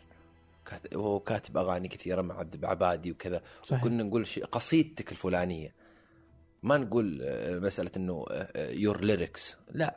يعني وأحيانا يلقيها قبل تنزل بالضبط. القاء شعري و... يعني آه، فأقصد إنه إنه لماذا آه، هؤلاء يكونون في مناطق يعني مثلا خاصة كتاب الأغنية. الحين أنت عبد الرحمن كم كاتب أغنية تعرفه؟ والله يعني في واحد اسمه طلال. إيه. يعني اثنين- يعني قليل يعني. بس فيه مثلا بدر بن عبد المحسن خالد الفيصل الأسماء آه، يمكن الأسماء المهم الكبيرة اي يعني هذا بس. في كثير كثير رائعين يعني يعني سهم. ال- ال- المشكلة بالضبط المشكلة انه إنه آه، آه، إنه مثل هؤلاء لا يتعامل معهم مثلا كشعراء كاتب كلمات لا هو قاعد يكتب شعر. يعني في النهاية هذا سبب هبوط لنوع من كتابة الأغنية اليوم إحنا في النهاية ليش نرجع للأغاني التسعينات والثمانينات؟ إحنا ترى عندنا هوس بهالموضوع أوكي. لأن كان في شعر يمكن كان في برضه تنافس في ال... كان طلال موجود كان تنافس. اي وكان, وكان في كلمات. لما الكلمات هذه اللي يجي طلال ويغنيها ثاني مرة جمرة غضا ويرجع يغنيها محمد عبدو إنه ها شيء يعني حلو. قصت ضفايرها ودريت. البارحة جاني خبر. إيش المدخل العظيم هذا يعني؟ ف... ف... فكان عندنا شيء زي كذا. أتمنى انه الأجيال القادمة اليوم إنها هي تستطيع أن تحافظ على هذا النوع من قدرة التعبير الجمالي. يعني أنا ما أخفيك إني خايف يعني على هذا على, على مثل هذا الشيء. فعلا كنا يعني الأغنية كانت يعني في الفن السعوديه ما عندها في الفن كثيرا لا السينما ولا الأفلام ولا المسلسلات. هذه يعني تعتبر شيء عربيا نتكلم إنه مستواها متواضع. حتى خليجيا. لكن الموسيقى واحدة من الأشياء اللي كانت يعني إلى وقت قريب يعني كانت السعودية رائع. يعني رائدة في هذا المجال يعني. نعم. فاليوم فعلا يعني أنا أشارك نفس الخوف والله. يعني اليوم الأغنية لم تعد يعني. فلذلك أنا أقول لك جمع جمع شتات هذا الشيء إنه الكتاب الجيدين يستطيعوا إنهم إنهم يكتبون في الأغنية ويتداخلون. يمكن هذا يودينا المنطقة اللي هو مسألة إنه إنه من, من الأشياء اللي برضو أنا مهووس فيها يعني خليني أقول. إذا صح ال- ال- ال- القول اللي هو عملية محاولة التواصل بين الفنون. يعني آه، زي ما قلت لك أنا قاعد أحاول إني أطلع القصيدة من من هذا الموضوع الديوان هذا اللي هو كتاب ومدري إيش و ويطبع وكم طبعة وكذا هالكلام إلى إنه عملية عملية تفاعلية. شلون؟ يعني إنه يكون فن أدائي يعني ليس فنا آه، فقط آه، ب- يعني آه، مكتوبا فكما كان قديما يعني عند العرب يعني إنه كان آه، تضرب القبة الحمراء في عكاظ وكذا والناس في أداء كيف عكاظ مؤخرا؟ عكاظ قصدك السوق مم. يعني آه، أعتقد إنها تجربة جدا آه، رائعة فكرة إعادة آه، آه، سوق عكاظ آه، ومثل هذه الأشياء أعتقد إنها قاعد قاعد تعطي تعطي معنى آه، كثير. يمكن يمكن إذا آه، قاعد أشوف سنة عن سنة يصير فيها يعني تفوق كثير. لكن من الأشياء اللي يعني برضو تخذلني كثير إن إن أنا آه، وقتي جدا ضيق فما أستطيع إني أزور كثير من الأشياء اللي اللي قاعد تحدث في المملكة. لكن في كثير من المبادرات يعني. إحنا الحين هنا هنا هنا آه، جيد إنك ذكرتها كي نشيد بها يعني. مبادرة إعادة سوق عكاظ إلى إلى إلى إلى وهجة. هذا عمل عظيم لأنه إرث في النهاية. وإرثك ودك دائما إنك أنت آه، تحافظ عليه وتبينه بشكل كبير. آه، جمع ودمج الفنون يمكن هذا من الأشياء اللي أنا ما أحب أسميها دمج الفنون يعني مو قضية إني أدمج أنا اقصد أقصد التواصل. أوكي. الطبيعي التواصل الطبيعي بين الفنون. يعني ما بين إنه آه، كتابتك أنت للنص وما بين إنه يكون لك علاقة بالخط العربي. آه، أقول لك سالفة. هات. سالفة ما قلتها لأحد ترى يا عبد الرحمن. قول ما حد يسمعك إلا أنا. يعني ما دام إحنا نتكلم في الشعر يعني جزء من من من من مشاهداتي لهذا الفن ال- ال- ال- الغريب جدا إنه طبعا هو فن ما يأبى أن يموت يعني يحاول دائما إنه يدبر له حال و- و- و- ويعيش. كثير من الفنون ماتت كفن. الخطابة مثلا كفن ما عاد موجود إنه فن الخطابة إنه مثلا آه، قسم ساعدة وكذا ويشهر الخطيب فلان الخطيب فلان آه، فن المقامة مثلا انتهى آه، فن الرسالة. إنه الرسالة كان واحد متخصص في فن الرسالة. وكلها كانت مجاورة للشعر. والشعر كان من من من الشخصيات الغريبة. يعني أنا أعتقد إنه شوية عيار هو. ففكرته ان ان أنه يحاول إنه يحتك باللي ماشي معه الحين ويغير من شكله. ف فجزء من الأشياء مثلا اللي بارزة مثلا تشوف إنه في الزمن الأندلسي زمن ذروة الزمن الأندلسي كان فن الموسيقى مشهور. شعر سوى غير من أوراقه لعب في الموضوع قام قال دقيقة أنا عندي موشحات أصلا هذه قوالب موسيقية. لعبتي موسيقى أصلا من أول. فشيل موسيقى. فلما في الزمن المملوكي في في في, في الشرق في المشرق كان ظهر بشكل كبير اللي هو فن الخط. والهندسة الخط الخط الهندسي المدري إيش قام قال لك الشعر دقيقة لعبتي هذه يعني يا جماعة. هذا يعني أنا أسوي أسوي لك قصائد هندسية. يقرأ من فوق وينقرأ من تحت ومدري إيش. ومو أنتم تحبون هذا؟ تعال نسوي. شو ورانا إحنا؟ إحنا فاضيين. فالفكرة كل الشعر فاضي بس أنت ما أنت فاضي. فالفكرة انه إنه إلى زمن الحديث إيه. جاءت فكرة اللي هي مثلا الترجمات يعني مثلا حتى قديما على فكرة ترجمات الفلسفة جاك مثلا واحد مثل المتنبي مثل أبو العلاء قاموا يتكلمون في فكرة ال ال ال ال الحكمة ومدري إيش إلى درجة أنه يقولون هل المتنبي قارئ لأرسطو أم أن المتنبي يعني وقع على أفكار أرسطو. ففي في في في كثير من من من البحوث في قضية المتنبي هو فيلسوف.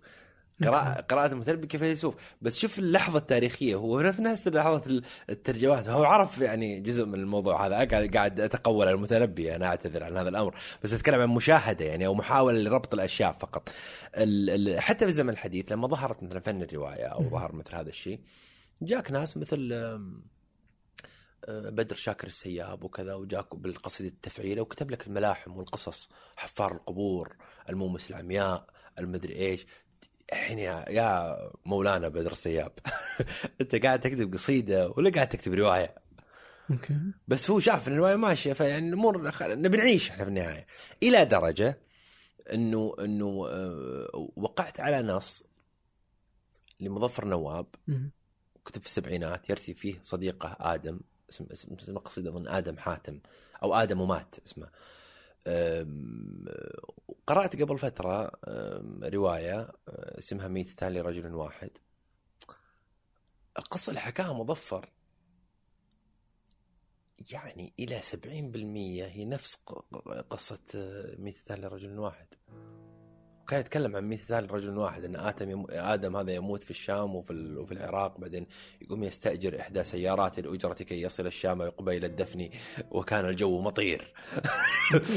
فما أدري إيش كذا كذا بعدين آدم وكذا نكلم آدم فما أدري إيش بعدين لقى إنه ما له ما له مكان غير مقهى الروضة وما أدري سوالف زي كذا. بس انها قريبة جدا من الرواية. فإلى أي درجة كان الشعر قاعد يحاول إنه يسوي عملية الحكاية. جاء تويتر قام مسوي لك فهمت فيها أبو تغريدات. يقول لك ال 140 حرف هي بيتين. فيقول لك أدب التغريدات. اي لا أدب التغريدات هذا مسج والله فالفكرة إنه إلى أي درجة كان في نوع من انه عنده رغبة هائلة بالتواصل يعني. بس إنه قادر إنه يعيش بهذه الطريقة. ف يعني من, من كثير من الان الأعمال اللي اشتغلت فيها من قبل اللي هو تواصل مع مع موسيقيين حتى في عملية ال ال يمكن تدشين ديواني الثاني كان كان كان بالتعاون مع صديق آه، والفنان الجميل فيصل شاه العازف الكمان واستطاع إنه يعني نحاول أن ندخل الموسيقى مع الشعر بنفس الوقت في حفل كان جميل للأمانة جدا. آه، بالاضافه إلى أن الحين يعني قاعد أعمل على آه، عمل للتواصل ما بين الخط العربي وما بين آه، مجموعة كاملة شعرية. سلمتها إلى الخطاط، الخطاط قاعد الآن يقرأها قراءة مختلفة وسيقدم كعمل كامل كلوحات وليس ك ككتاب. هل هي يعني إنها تصبح مثلا لوحات شعرية بهذا الشكل يعني؟ لوحات أشبه بال... بال... باللوحات اللي اللي تباع هو. هو الآن قاعد يعمل عليها كلوحة. خلاص أنا طلعت من العملية. ذاب الشعر كما يذوب الشعر في الأغنية وتصبح أغنية. فالآن ذاب الشعر في في في, في في في الفن التشكيلي يعني. العملية هذه. فمحاولة إن أنت لا آه، تبدأ تتجاوز فكرة إنه أن لا تذوب فقط في شكل الكتاب، لا تذوب أحيانا في أشكال أخرى. عجيب والله. ممكن آه، تجربة آه، تستحق يعني يعني دامها عجبتك اظنها نجاح كبير يعني. الله يسعدك يعني ما شاء الله عليك. ما أنت بسيط. حبيبي والله. طيب على البساطة ودي أسألك عن كذا تجربة خضتها. يعني في عندك في تجربة أتوقع تجربة الديوان. فديوانك أتصور يعني في جودريدز يعني أتوقع أن عدم تخصصك في الأدب هو اللي خلاك إنه يكون عندك جمهور مختلف. يعني تجد انه التعليقات يعني عادة بعض بعض الكتب آه، يكون تناولها ما بين الأدباء والدائرة الضيقة يعني لأنه أنت عندك جمهور مختلف كذا قليلا آه، عن البقية يعني. فهذه فيها تجربة فيها تجربة آه، روي الديوان. آه يبدو إنه ما عاد عندك ما ودك تكمل في في الدواوين يعني هذا اللي فهمته الحين. لا آه، يعني العملية طبعا في النهاية الديوان هو تجربة. يعني أنت أنت بعد فترة تجد إن عندك مجموعة آه، في كلمة جميلة إنه يقول لك إحنا لماذا نطبع؟ يعني إنه عشان نتوقف عن التنقيح أوكي. فيمكن إذا وصلت لمرحلة إنه خلاص مضطر للتوقف عن التنقيح فسأطبع يعني مجموعة أخرى. بس حتى الآن عندي مجموعتين. يمكن يعني إذا اكتمل فعلا ديوان آخر أو مجموعة أخرى سأطبعها بالتأكيد. طيب القصيدة كم تأخذ معك أصلا عشان تكتبها؟ والله عبد الرحمن هي ما ما لها شغل كذا مو مو سالفة لأنك أنت انت عنون آخرها أو مو بتعاون يكون ذي لها جازت لك التوقيعات دي صح؟ انت شايف كيف؟ العماره بي ترى ترى على فكرة شايل منها أشياء شلون؟ في كنت لأني كنت واحد نصحني قبل الطباعة. كنت كاتب دنكن دونت من شنو؟ آه اثنين قهوة. فكان في في تفصيلات الطلب يعني. ف, ف... فهذه اللي تكون أنت فيها ختمتها ختمت القصيدة يعني؟ أم... تلك الم... يعني هل هذيك الجلسة اللي طلبت فيها أه... لا أنا ما أحسبها كذا. إيش إيش طيب وش أنا أعتقد إنه أنا أنا أدونها بال بالخاطر باللحظة. وأسميها لحظة القصيدة. اللي هي تكون هذا الذيل. إي. لأنه القصيدة تبدأ يعني أول شيء يمكن أقدر أصنف كذا من رأسي. صنف. شو ورانا يلا. يعني على الأقل بالنسبة لي كيف عاد كيفهم الباقيين؟ إيش دراني؟ يعني جعلني اصنف غيرك إنه تبدأ أول شيء كهم يعني معين. أو شيء في بالك يعني أو في خاطرك. بعدين يعني أنا تحول إلى إلى طبول إيقاع. رغبة في الغناء. يعني أنا كنت مرة قاعد أقول لواحد أقول كتبت شعر لأن صوتي خايس. ف... ولا كان غنيت يعني. ف... فالفكرة إنك تشعر بإيقاع يعني شاد عليك تماما يعني في في العملية هذه. أه... تبدأ تلبس الإيقاع كأنك قاعد تعيد الحالة المضارية الأولى يعني. أه... بعد هذا هذا الإيقاع وهذا عمليه الغناء تبدأ تصدر أفكار. أه... تبدأ هي هي تولد أفكار كثيرة. يعني داخلية داخل داخل الهم هذا. فبعد ذلك يبدأ آه، مسألة اللي هي آه، إنه آه، بعد بعد عملية الأفكار يا سيدي تبدأ هذه الأفكار تلبس صور ومشاهد. بعد المشاهد يعني طبعا هذا ملاحظتي يعني أنا أحاول إني أكون ملاحظ جدا لعملية بناء القصيدة. كذا جانب الهندسي أو جانب العملي ما أدري. فبعد ما تلبس الصور تبدأ تبحث عن لغة. بعد ما تبحث عن لغة تبدأ تتحول لعبارات يعني إلى فعل النص يعني. آه، هذه اللحظة هي لحظة القصيدة. آه، بعد ذلك تبدأ أنت تدخل في شغل المنجرة. عن لبست هي بعد شغل شغل شغل فهمت حداده ومنجرة وخشب وكذا ونزل و يعني فهمت وزيد وصلح وما ادري إيش. وفعليا في النهاية أنت ما أنت راضي عن نصك. يعني أنا ما في ولا نص. راضي عنه؟ ابدا. عجيب. يعني بيني وبينك الموضوع طيب دقيقة بسألك لا- والله. لأنه الفكرة يا أخي انه إنه دائما شفت الشيء اللي في الخاطر هذا؟ آه. يا أخي أكبر من ال- اللي طلع بالأخير.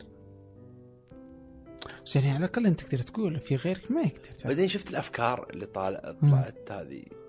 يا أخي مذبحة القصيدة عبارة عن عن عن يعني مذبحة كبرى للغة.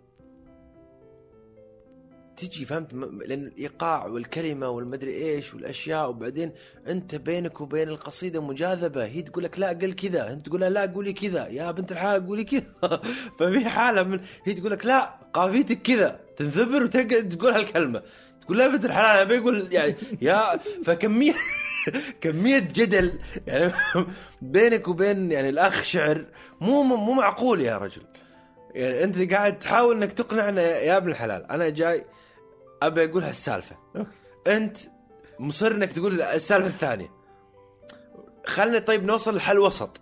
فعملية جدل عرفت اللي؟ في النهاية في أقرب لعملية تعرف اللي هي التنازلات. فتقول يعني هذا والشاعر يأبى لأنه هو اللي يفرض نفسه يعني. طبعا في الأخير هو الذي ينتصر يعني. طيب الحين أنا بجيك على شغلة أنه أنت تعرف نفسك بعبد اللطيف بن يوسف. نعم.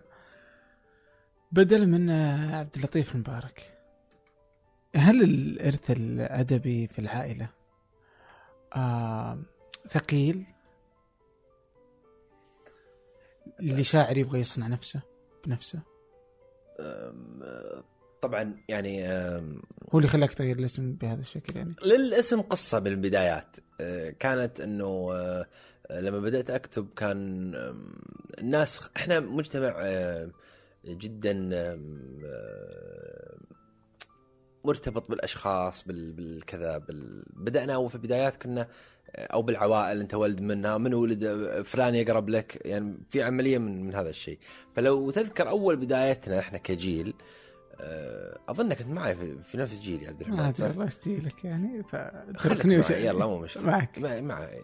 فالفكرة إن إن بدأنا حتى بأسماء مستعارة بشخصيات آه، يعني آه، بهذا الشكل. بعدين كان دائما هناك نوع من انه يبقي آه، جزء من من العملية هذه ف لما جاءت الأسماء الشخصية وكذا وكذا وكذا وكذا كان أنا مثلا من الأشياء اللي اللي قال لي إنه أمدح كثيرا لأن أعرف إنهم يمدحون أهلي وإنهم مم. بهذه الطريقة فأنا أقدر لل... لل... للناس هذا الحب وهذه المحبة. و... وأحب جدا يعني إنه الناس تذكر أهلي بخير وهذا شيء يسعدني جدا. لكن كان عندي هوس في البدايات اللي هو قضية إنه أريد أن أفرض اسمي. آه، أنا آه، عرفت؟ آه، أريد أن أقول شيئا لهذا العالم. آه، بهذا الشكل. وي- وينسب لك لا لإرث. العائله ف... آه، فهذه الفكرة. بالإضافة إلى إلى إلى آه، مسألة خجلي مما أكتب.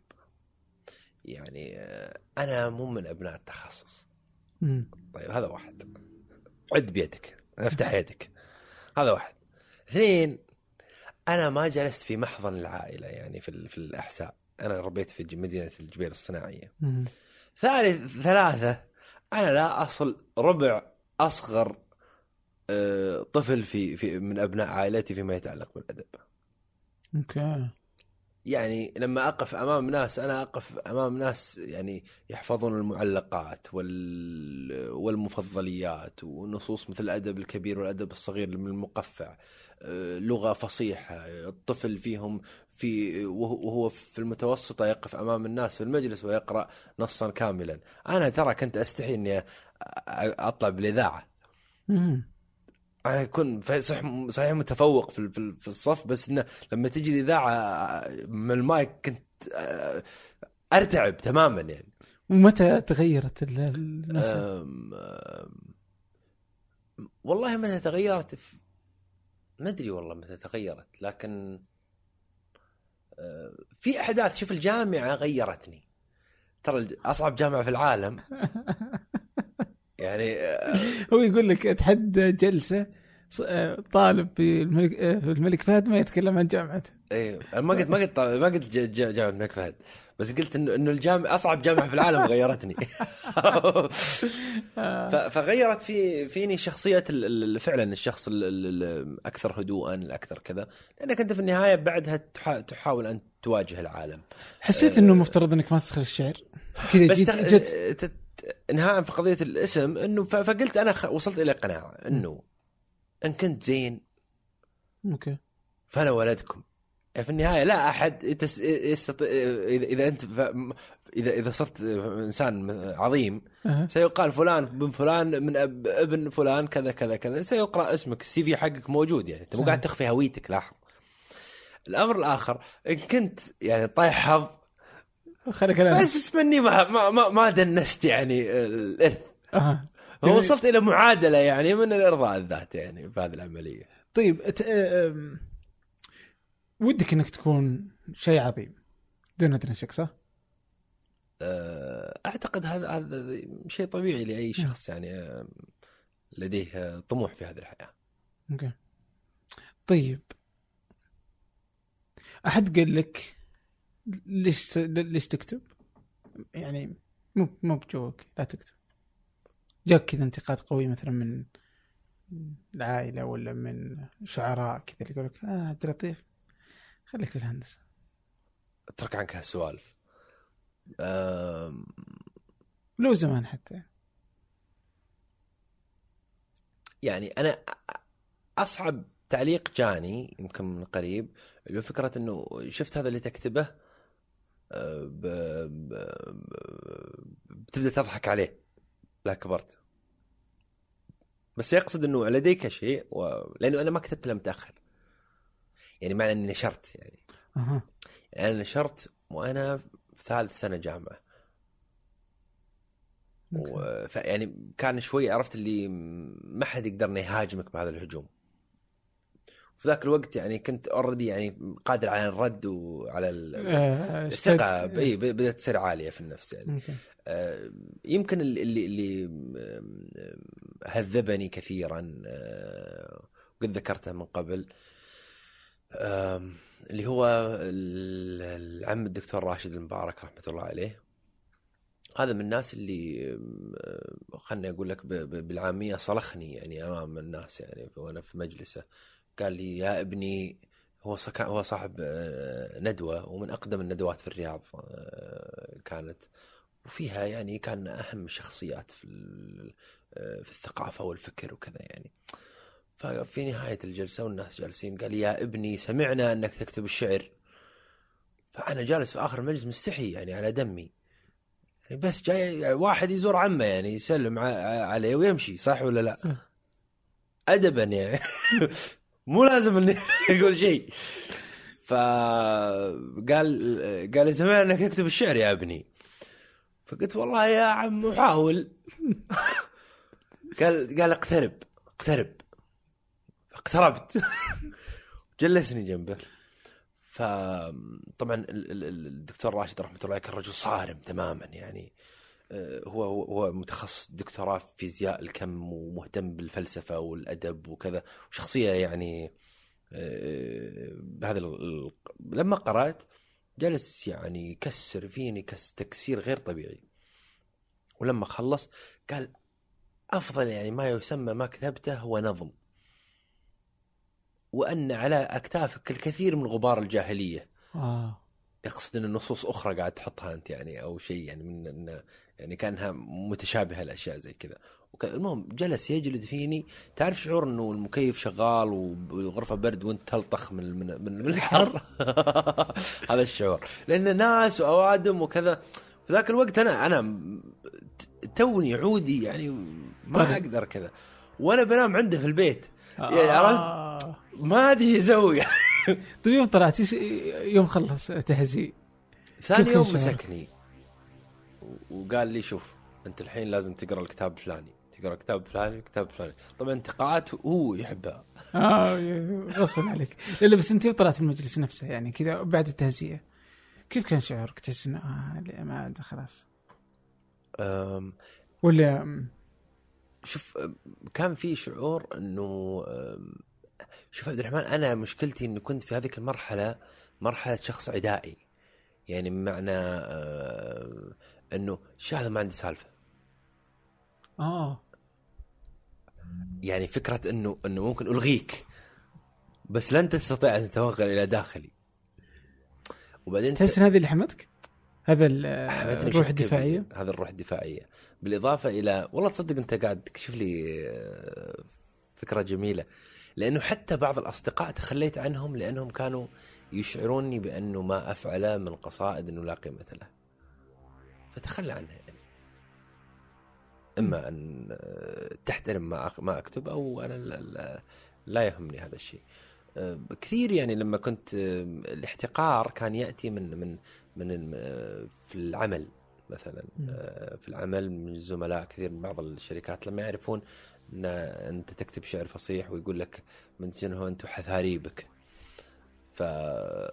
فأتذكر من المشاهد اذا تبي يعني مشهد للآن يرسخ في ذهني يعني إن آه، كانوا الشباب جالسين فكانوا يقولون عن شخص شاعر توفي في في منطقة نائية في بلدة أخرى ف...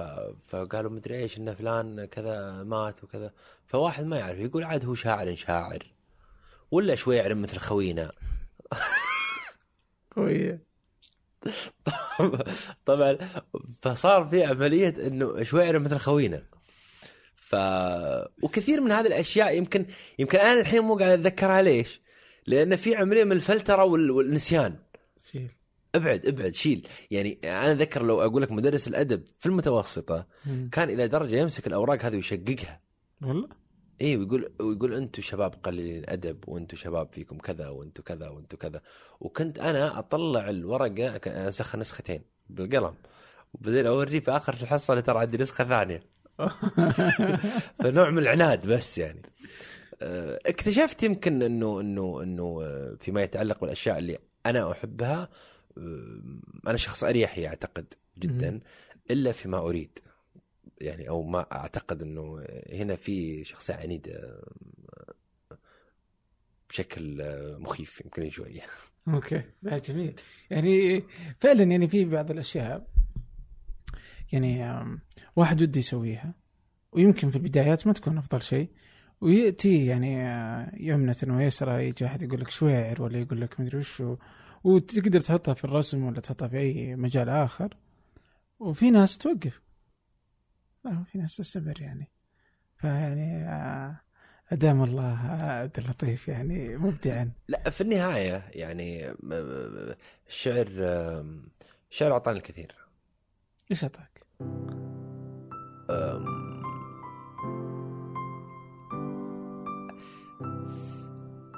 أعطاك في النهاية شيء تشعر إن أنت قاعد قاعد تسويه شيء أبعد من من من عملية حياه الإنسان العادي. رغم إني على فكرة كتبت نص أصلا أدافع عن الإنسان العادي. آه، نص آه، كل ما أحد استقال أرسل لي أرسل لي البيتين إنه ما أدري إيش كذا. فكرة إنه إنه مدافع عن الشخص اللي لا يريد أن يترك بصمة. يعني فهمت؟ في. ناس ما ما يريد أن يترك بصمة. فكتبت عنه يعني ال- المرافعة عن السيد عادي يعني. فمحاولة إنه الدفاع عنه يعني. اللي هو كانت تقول إنه لم ترتكب خطأ ولست بمشكله يا أيها العادي فهمك معضلة. يتنافس المتنافسون تلاوة الاك تفنى في تذوق بسملة. بعدين يمشي اتذكر من النص إلى أن يقول يقول فلربما أغلقت شباك الصباح فما رأيت سوى خطى مستعجلة. والذاهبون إلى الوظيفة ذاهبون إلى المذلة باليد المتسولة. فهذه صارت القصيدة كل ما أحد استقال ارسل لي ما أدري إيش المشكلة اي ما أنت في البداية كنت تقول إنك أنت تحكي شعور الآخرين يعني وفق لتجاربك العمال بالضبط. الإنسان العادي وغيره يعني. هذه هذا الشيء الجميل اللي ما نجده في مكان آخر. بس بس في في شيء يبدو إنه ناقص. بعدين ال- الحربش لا يزال زعلان فيقول إنه أنا إنه يتمنى إنه يعود آه، عرف البكاء على الأطلال آه، القصيدة العربية خصوصا بالشكل الحديث فنصه. عادي حربش يقول؟ إيه. فيقول نصه. فيا شعراء هذا العصر أصغوا جيدا. إني فاتح لكم بابا لم يخطر على بالكم. انظروا إلى أحياء الرياض وجدة والدمام. بضيف أنا من عندي والخبر عشانك. يعني. تأملوها جيدا ثم ثم ابكوها. وابعثوا مارد الذكرى على قمم المكان. لو كنت شاعرا لوقفت في فناء داري المحبوب ولن أتحرج من استخدام لفظة حوشهم. سأضيف سأصف كيف تراكم الغبار فيه وكيف سكتت مضخة الماء. سأصف الطلاء المتكسر فوق الجدران والشرفات المتحطمة المائلة وأعشاش الحمام والماء الذي ما عاد يجري كل جمعة تحت الباب. سأصف مئذنة الحي وجدران المسجد والنخل والأشجار ولون الإسفلت والشارع المقبور الأحشاء لأن البلدية لم تفرغ من إحس- من إصلاحه. ناشدتكم الله. هو يقول كذا. أليس ذلك أحلى من الشراع الممزق والمجداف المتكسر وغير ذلك من تشبيهات شعرائنا البائرة التي ما إن أقرأها حتى أصاب بالغثيان؟ يا سلام. رائع. إيه. سؤال ليش ما في قصايد يعني على هذا النمط مثلا؟ آه القص... القصيدة الفصحى لا تزال تعيش. كذا يكملون أنه في العصر الجاهلي أقول لك أقول لك شيء. ليش ما في قصيدة 50 دقيقة مثل أم كلثوم؟ أغنية؟ مم. ما هي الأسئلة. الله مثلا إيه. هذه الأسئلة نفس الشيء يعني. تسأل آه، كل شخص يعني تسأل فنان معاصر اليوم آه، لماذا لا يوجد آه، ضربات ريشة مثل فان جوخ؟ مم.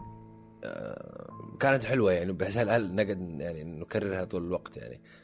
وال آم، من الأشياء اللطيفة هي إنه آه، لما كنت أقول لك إنه أبو تمام كسر العمود الشعري. فحتى إن قال بعض النقاد إن كان ما يقوله آه، هذا هذا الرجل يعني شعر فكل ما قالته العرب ليس كذلك. أبو تمام.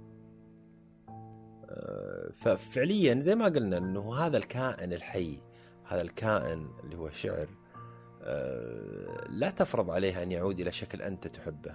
أنا أحب أحب عدي بس أنا أقصد إنه آه، دعه يتفاعل. وكن اريحيا. آه، كن اريحيا تماما يعني آه، في قضية أنه تجعله آه، آه، يعمل آه، كلاعب السيرك هذا اللي ينتقل من منطقة إلى منطقة إلى إلى أماكن أخرى. ف يمكن فرض الأشكال حلو يعني آه، محاولة استعادة الذكرى والحنين إلى إلى إلى إلى, إلى نصوص معينة لكن التطلع إلى الأمام وإلى المستقبل أهم يعني. لا لا بس ليش ما نستخدم اللي هي الأشياء اللي اليوم. مثلا يعني غطيني بحبك كما تغطي أدخنة المصانع افق الجبيل مثلا. آه، يعني استخدام الأشياء طبعا الحالية. هذا هذا شعراء الخمسينات كانوا مهووسين بهذه الفكرة okay. بمعنى إنه يقول من هو أول من أدخل آه، كلمة آه، فستان؟ آه okay. من هو أول من أدخل كلمة آه، سيجارة؟ من هو أدخل وهكذا يعني نزار ومن معه. الفكرة يجب أن تأتي بشكل غير مباشر غير آم، زي ما قلت لك هي أنت الآن قاعد تتكلم عن تفصيح العامي. عرفت؟ هذه يشتغلونها في المعجم. في في المجمع اللغوي. يشتغلون كيفية تفصيح العامي وأصله وكذا وكذا وكذا. الشاعر إن لم تأتي معه مثل ما قال ياسر الأطرش وهو في حالة من الاحتراق الكامل يقول ابوس يديك يا وطن اليتامى أعرني صدر أمي كي أنام. يعني إن لم تكن بدل ما أقبل قالها أبوس وما بحول احد هو مو منتظر عبد الرحمن أبو مالح يقول له إيش رأيك ابوس جميلة لو نحطها؟ طلعت مخاطر. okay. زي New Yorker. مثلا يعني إيه،. أحيانا الأشياء اللي هي تجي بهذا الشكل. آه، السلهمة. مثلا أنا في في نص كذا مدري إيش كذا يقول تفشي العيون بها وتكفي السلهمة. عاد كيفكم؟ عاد واحد قال لي هذه فصيحة ولا لا؟ قلت كيفكم؟ مو شغلي. هيجي كذا. هي يعني هي في هذه اللحظة مو عدد شغل مو, مشكلتي. مشكلتك. إذا كانت مو فصيحة حطها بين قوسين إن كانت فصيحة حطها بدون قوسين. ف- خلصنا.